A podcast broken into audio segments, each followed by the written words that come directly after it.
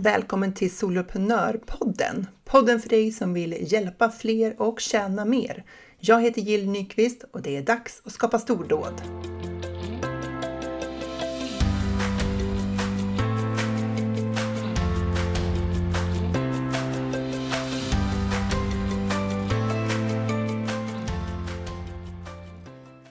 Det har varit påskvecka och jag har försökt varva ledighet med arbete.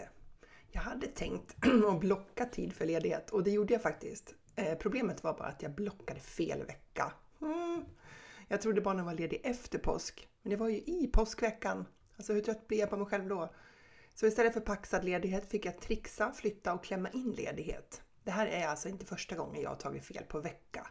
Jag tror att det var lättare när jag var anställd för då hade vi liksom semesterlistor som behövde fyllas i och då blev det liksom rätt.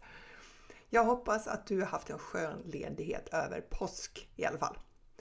Jag har ju haft två avsnitt nu som har handlat om ledarskap och eh, varför det är relevant för oss som jobbar som företagare. Och jag tänkte att jag skulle fortsätta med det men fokusera lite mer på det personliga ledarskapet. Det ledarskap vi utövar över oss själva. Jag kommer ihåg första gången jag läste en text som förklarade en sida av mig som jag aldrig tidigare hade kunnat sätta ord på. Eller kanske ett förhållningssätt jag hade haft, men inte varit medveten om förrän jag läste det här. Jag tyckte att det satte ord på hur jag tänkte och vad jag strävade efter. Även om jag inte hade nått dit jag ville och även om jag hade en liksom, lång resa kvar. För när det gäller personlig utveckling så har vi alltid en lång resa kvar. Men det är ju också det som är det fantastiska. Vägen är målet. Om vi tillåter den att vara det. Och om vi uppmärksammar det. Texten handlade om personligt mästerskap och den stod i en bok, i en grön bok som jag hade fått låna av en vän. Den ingick i hennes kurslitteratur på universitetet. Den, hette, eller den heter Den femte disciplinen, Den lärande organisationens konst av Peter M. Sange. Jag vill dela med mig av den och mina tankar om personligt mästerskap för att jag tycker att parallellerna till företagande är så stora och så många. Jag tror att många av oss som driver företag också strävar efter personligt mästerskap, även om det inte är så vi tänker på det. Du, precis som jag, kanske aldrig har haft ett ord för det. Du är ditt företag och ju bättre du blir på att leda dig själv, desto mer framgångsrik kommer du att bli och ditt företag växer i den takt som du växer. Din förmåga som du skaffar dig och de insikter du får på vägen. Alla lärdomar som du omsätter i praktiken. Ja, det finns ingen gräns för dina stordåd när du klarar av att göra det. Omsätta dina lärdomar i praktiken. Personligt mästerskap sker aldrig, alltså utvecklas aldrig på bekostnad av någon annan. Ingen förlorar på att du utvecklar ditt personliga mästerskap. Du vinner, din familj och dina vänner vinner och ditt företag vinner. Så vad är det då? Det här personliga mästerskapet. Ja, på sidan 138 i den här boken då, den femte disciplinen, så stod det så här. Människor som har en hög grad av personligt mästerskap har några gemensamma drag. Deras sätt att förhålla sig till vad som är meningsfullt har en särskild känslomässig laddning. Visionen har en större likhet med ett kall än bara en bra idé som ska genomföras. De ser verkligheten som en bundsförvant och inte som en fiende. De har lärt sig att lägga märke till och arbeta med förändringar istället för att bekämpa dem. De är nyfikna och strävar ständigt efter att förstå hur verkligheten fungerar. De känner samhörighet med alla och med livet självt. De upplever sig själva som en del av ett större skapande process som de kan påverka men inte kontrollera. Människor med väl utvecklat personligt mästerskap är alltid inställda på att lära sig mer. De når aldrig fram. Personligt mästerskap kan ge intrycket av slutgiltighet, av svart eller vitt. Men personligt mästerskap är inget man blir slutgiltigt klar med. Det är en process. Det är en disciplin för livet. Människor som har kommit långt i personligt mästerskap är fullt medvetna om sina brister och begränsningar. Och de har en hög självkänsla, det vill säga de litar på sin egen förmåga. Paradoxalt Ja, bara för dem som inte förstår att det är vägen som är mödan värd. Och I den här boken då så pratar man om att sträva efter att utveckla känslomässig mognad. Mogna människor är personer som har förmågan att förvalta och vidareutveckla väsentliga värderingar som engagerar sig i mål som är viktigare än de själva, som är öppna, ger uttryck för sina åsikter och ständigt strävar efter att ha en klar bild av verkligheten. De är uthålliga och har tålamod att vänta på ett erkännande som dröjer. Därefter är de kapabla att arbeta för långsiktiga mål. Till och med beakta konsekvenserna för kommande generationer. Han talar om en allvarlig brist i det moderna samhällets åtagande för mänsklig utveckling. Vi söker inte känslomässig utveckling med samma iver som vi söker fysisk och intellektuell utveckling. Det är en allvarlig brist eftersom det är inom det emotionella området det är där vi kan få den största hävstångseffekten för att öka människors totala prestationsförmåga. Varför är personligt mästerskap viktigt? Jo, för att människor som utvecklar personligt mästerskap är engagerade, tar fler och mer omfattande initiativ, de känner större ansvar och de lär sig fortare. Varför kan inte arbetet vara ett av livets glädjeämnen? Varför kan vi inte njuta av det istället för att se det som en nödvändighet? Varför kan inte också arbetstiden eh, kan man inte också på arbetstiden lära sig att se det vackra i att skapa något bestående, något av värde? Jag kommer ihåg känslan jag fick när jag läste det här. Känslan av att eh, bli förstådd eller att kanske känna igen sig. För jag insåg att det var på den här resan jag var resan mot personligt mästerskap. Även om jag inte var där i det personliga mästerskapet så var det den världen jag strävade efter men aldrig hade fått ord eller förklaringar för. Förrän jag läste den här till synes ordinära boken som handlar om organisationsutveckling genom individers utveckling. Då var en del av det här som jag, då var en del av det här som jag inte kunde relatera till. Eh, som inte hade samma innebörd för mig då som det har nu, nu när jag läser texten igen. För mognad kommer stegvis. Vi utvecklas över tid om vi tillåter oss själva att göra det. Jag hör ibland människor som säger att ja, men det är klart att jag kan det här nu när jag är 50 år gammal. Jag har jobbat med det här i 25 år. Och jag säger alltid emot dem. För jag har mött många människor som har arbetat i 20 år som inte har lärt sig någonting om sig själva. Det är som att de har levt samma år om och om igen. Och många gånger är det de personerna som alltid undrar varför just de är omgiven av idioter. För personlig utveckling är ingenting som nödvändigtvis kommer med åldern. När vi är rigida i vårt sätt att tänka och inte öppnar upp och släpper in nya perspektiv, då sker ingen utveckling. Det kan gå tio år och inget väsentligt har hänt med själva personen, med själva individen. Har du mött de där personerna som har en väldigt absolut uppfattning om vad de gör och vad de inte gör? Och vilka de är, vad andra ska göra och vad de inte ska göra. Människor utan gråzoner, men med väl definierade tillåtna och otillåtna zoner. Ju mer absoluta vi är i vår uppfattning av oss själva och vad vi kan göra och vad vi inte kan göra, desto mindre risker Eh, eller desto mindre riskerar våra liv att bli. För vi är inte sådana som gör det här eller det där, så vi avstår. Vi ger oss själva inte möjligheten att kliva in på nya arenor av livet och upptäcka hur vi kan klara det. Hur vi kan utvecklas och därmed få känna glädjen och tillfredsställelsen av att klarat just det. Tillfredsställelsen av att ha överraskat oss själva. När vi är väldigt rigida i vår uppfattning om oss själva så avstår vi saker och livet krymper till en liten yta där vi håller oss för att vi vill vara trygga och säkra. Vi håller oss där vi vet att vi klarar av det vi kommer möta där och vi kommer inte behöva ta oss igenom stora känslomässiga hinder eller motstånd. När jag först läste den här texten så kunde jag relatera till den här känslan av ett kall för så var det jag kände inför min, mitt jobb som anställd som arbetade på ett företag med en vision som handlade om att rädda världen. För en värld som räcker längre. Och jag var med och skapade den visionen, satte ord på den på en styrelsekonferens med ledningsgrupp och styrelsen. Och det är ju det här som står här i den här definitionen. De ser verkligheten som en bundsförvant och inte som en fiende. Och de har lärt sig att lägga märke till och arbeta med förändringar istället för att bekämpa dem. Att se verkligheten som en bundsförvant och inte som en fiende. Hur vackert är inte det? Vi har ju den verklighet vi har och alla delar av den kan vi inte kontrollera. Tänk om utgångspunkten skulle vara att allt händer för oss, till nytta för oss, till skillnad från att allting händer emot oss. Även de riktigt dåliga sakerna som händer i vårt företagande, och i vårt liv.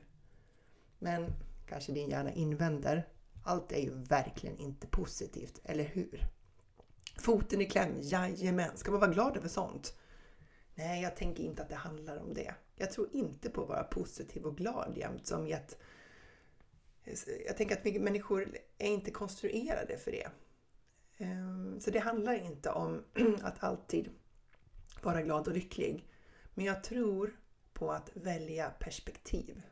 Jag tror på att vi stillsamt kan välja att hitta hitta lärdomarna i det som hände oss och söka efter insikter och bli medveten på vilket sätt vi utvecklas med anledning av det som vi går igenom under den där svåra tiden. För vi kan inte hindra dåliga saker, jobbiga saker, sjukdomar, krig, konflikter, motgångar och så vidare. Vi kan inte med tankens kraft eller med ren vilja få dem att inte hända. Så de händer. Om och om igen uppstår det allt ifrån milt obehagliga till fruktansvärda situationer i livet. Och givet att just det ligger utanför vår kontroll, då kan vi lika gärna fokusera på den utveckling som sker inom oss när vi faktiskt hanterar dem. För varför skulle vi fokusera på något annat? Visst, det kan ge en stunds tillfredsställelse att bara få gräva ner sig, klaga och kanske behöver vi sörja. Och det är ju helt okej, okay, det behöver vi. Men sen behöver vi fortsätta framåt. För att tiden fortsätter framåt. Livet fortsätter med eller utan oss. Bättre att välja att delta i det enda liv som vi kanske har fått. Som företagare så har vi allt att vinna på att utveckla vårt personliga mästerskap. Eh, det var det här citatet. De upplever sig själva som en del i ett större skapande process som de kan påverka men inte kontrollera. Människor med väl utvecklat personligt mästerskap är alltid inställda på att lära sig mer. Är det inte där du är? I en ständig skapande process när du hjälper dina kunder. Du ger andra möjligheter genom det du skapar. Och vi vet att vi inte kan kontrollera vår omgivning, människorna, vad de gör. Men genom vårt skapande så påverkar vi. Du har din vision för ditt företagande och kanske känner du också att den är mer som ett kall. Kanske var det den där brinnande längtan att skapa, hjälpa och påverka som fick dig att börja ditt företagande. Kanske är det vad som har hållit dig igång även när det har blivit svårt. Genom alla motgångar du har mött så har det varit den underliggande drivkraften eller elden som ändå hållit brasan vid liv när det har varit svårt. Viljan att göra skillnad för dig själv, i ditt liv och för andra. Den delen jag inte förstod när jag läste den här texten för många år sedan, det var den här. Vi söker inte känslomässig utveckling med samma iver som vi söker fysisk och intellektuell utveckling. Det är en allvarlig brist eftersom det är inom det emotionella området som vi kan få den största hävstångseffekten för att öka människors totala prestationsförmåga. Jag var inte där i min personliga mognad när jag läste det där. I mitt personliga mästerskap. Att jag förstod kraften i våra känslor. Nu när jag läser det här så får det här en så mycket större innebörd för mig. För vi människor drivs av våra känslor. Vi drivs av att få mer av de känslor som får oss att må bra och mindre av de som får oss att må dåligt. Att inte ha en mognad, en känslomässig mognad, där vi har lärt oss hantera båda de här balansskålarna med positiva och negativa känslor, det ger oss inte den hävstångseffekt som gör att vi ökar vår totala prestationsförmåga. För om vi hela tiden rör oss från sånt som riskerar att orsaka känslomässigt obehag, alltså obehagliga känslor, då kommer vi inte att växa. Vi får inte ut kraften och hela vår potential. För vi undviker och skyr sådana här situationer där vi på förhand kan misstänka att det här det kan bli obehagligt. Jag gör det här fortfarande. Det kräver stor personlig mognad eh, att befinna sig i obehaget utan att fly. Att välja det kortsiktiga obehaget för att nå våra långsiktiga mål. Låter abstrakt? Ja, men det handlar om vardagssakerna. Som att ta det jobbiga samtalet med kunden skriva ett mail där du ska säga nej, göra den där pitchen på webbinariet där du stolt förmedlar ditt erbjudande till dina kunder, ha en livesändningen för att du ska kliva ut i skyltfönstret även om rösten darrar. Det handlar om att lägga ut det där fotot på dig själv på Instagram för att du vill nå ut bättre med ditt budskap. Det handlar om att ge kunden ett erbjudande som kostar mycket pengar. Det handlar om allt det som tar ditt företag vidare på riktigt. Allt det där som inte sker ute på lagret utan där ute i butiken där du möter kunderna och utsätter dig för risken att de tackar nej. Lämna butiken utan ett ord eller att du visar upp något i skyltfönstret och ett par personer kastar ägg på dig. Att utveckla känslomässig mognad är inget förveklingar. De flesta av oss ogillar starkt att må dåligt. Vi vill ju vara glada. Det ska kännas lätt utan oro för hur det ska gå. Rädsla för att någon ska skriva arga kommentarer eller skam över att ingen köpte. Allt det där som vi lägger på oss själva. Och vi glömmer att vi kan inte kontrollera andra. De kommer alltid att göra som de gör, bra och dåligt. Men vi kan bestämma hur vi vill påverka. Hur vi agerar kommer att påverka vilken version av dig och ditt företag som dina kunder och följare möter. Sen är det upp till dem vad de tänker och gör av det. Tänk dig att du inte är rädd för att känna jobbiga känslor för att du vet att du kan klara av att känna dem, processa dem och släppa dem. Vad skulle vara möjligt om du inte var orolig för att du skulle bli besviken, rädd, arg eller frustrerad? För att du har accepterat att det här är en del av att vara människa. Upplevelsen av att vara människa. Och känslor är inget mer än vibrationer i våra kroppar. Vad skulle hända med oss om vi på riktigt inte var rädda för att vara rädda? Eller känna rädsla eller oro eller själva obehaget av det här. Att vi inte skydde obehaget för att vi var trygga med att vi kan hantera det. Så det handlar inte om att aldrig känna det här. Målet är inte att vi aldrig ska känna obehagliga känslor. Målet med känslomässig mognad, det är att kunna hantera alla känslor. Att inte vara rädd för dem i förväg. This too shall pass. Vilken frihet! Att utveckla känslomässig mognad handlar inte bara om att må bra jämt och ha positiva känslor. Tvärtom. Det handlar ju om att omfamna alla aspekter av vårt känsloregister. Utan att falla offer för det, utan att gräva ner oss eller skapa onödigt lidande för att vi piskar oss själva för att vi känner allt det här. Det är verklig frihet för mig och en strävan som jag tänker är väl värd mödan. Ja, men varför är personligt mästerskap viktigt? Jo, som det stod i texten, för att människor som utvecklar personligt mästerskap är engagerade, tar fler och mer omfattande initiativ. De känner större ansvar och lär sig fortare. Varför kan inte arbetet vara ett av livets glädjeämnen? Varför kan vi inte njuta av det istället för att se det som en nödvändighet? Varför kan man inte också på arbetstiden lära sig att se det vackra i att skapa något bestående, något av värde? Ja, precis. Ja, varför kan inte arbetstiden vara en del av livets glädjeämnen? När jag läste det här för första gången så insåg jag att det var så jag såg på mitt jobb. Det var en enorm källa till personlig utveckling. Och jag tog mig an arbetet på det sättet. Jag kände hur mitt arbete utvecklade mig som människa. Och när jag inte längre kände samma kraft det var nog då jag insåg att det var dags för en förändring. Och att den förändringen behövde vara något annat än att bara byta arbetsgivare. Det var dags att leva på ett nytt sätt. Och då startade mitt företag. Och det slungade ju mig in på en ny resa av utveckling. Och kanske är det så för dig också. Om du tänker tillbaka på tiden du driver ditt företag kan du se din egen personliga utveckling. Och kan du känna att du personlig utveckling inte är en, som en introvert strävan som bara handlar om ditt ego. Utan att din personliga utveckling gör skillnad för människor långt utanför dig själv. Att du genom att utvecklas kan vara den ledare för så många fler och hjälpa dem så mycket mer. För att du inte bara kan leda dem, du kan leda dig själv. Och du gör det genom att föregå med gott exempel. Och vi som startar och driver företag, vi känner väl verkligen att arbetet kan vara ett av livets glädjeämnen.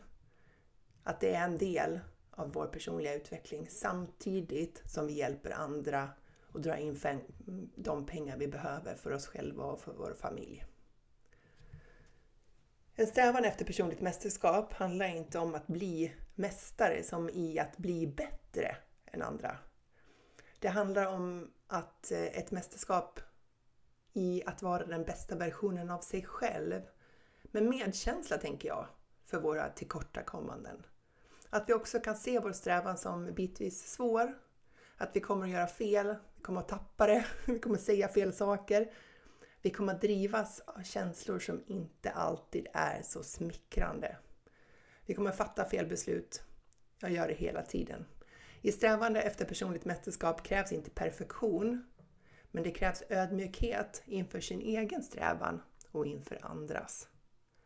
Personligt mästerskap är något som vi har nytta av i alla delar av livet för det sker aldrig på bekostnad av någon, något annat eller någon annan. Du har nytta av det i din roll som förälder, partner, arbetskamrat, samarbetspartner, företagare, medmänniska, individ. Så låt oss alla göra fel och lära oss av det. Låt oss köra av vägen och komma upp igen. Låt oss inte bara vara rädda för våra egna tillkortakommande och brister eftersom vi alla är människor. Och inget av det hindrar att vi ändå försöker vara lite bättre. Fortsätter sträva efter utveckling och samtidigt vara snälla mot oss själva när vi inte är så goda, förståndiga och kloka som vi önskar att vi alltid var. Det är okej. Okay. När vi inte är så stränga och absoluta mot oss själva så har vi också lättare för att inte vara så stränga och absoluta mot andra. Klarar vi av att visa oss själva medkänsla så kan vi lättare visa andra densamma. Vi skapar mindre drama i våra liv när vi ser våra brister utan att döma oss själva för dem. Och vi kan bli mindre angelägna om att döma andra efter deras brister.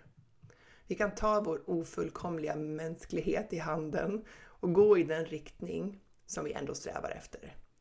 I riktning mot stordåd.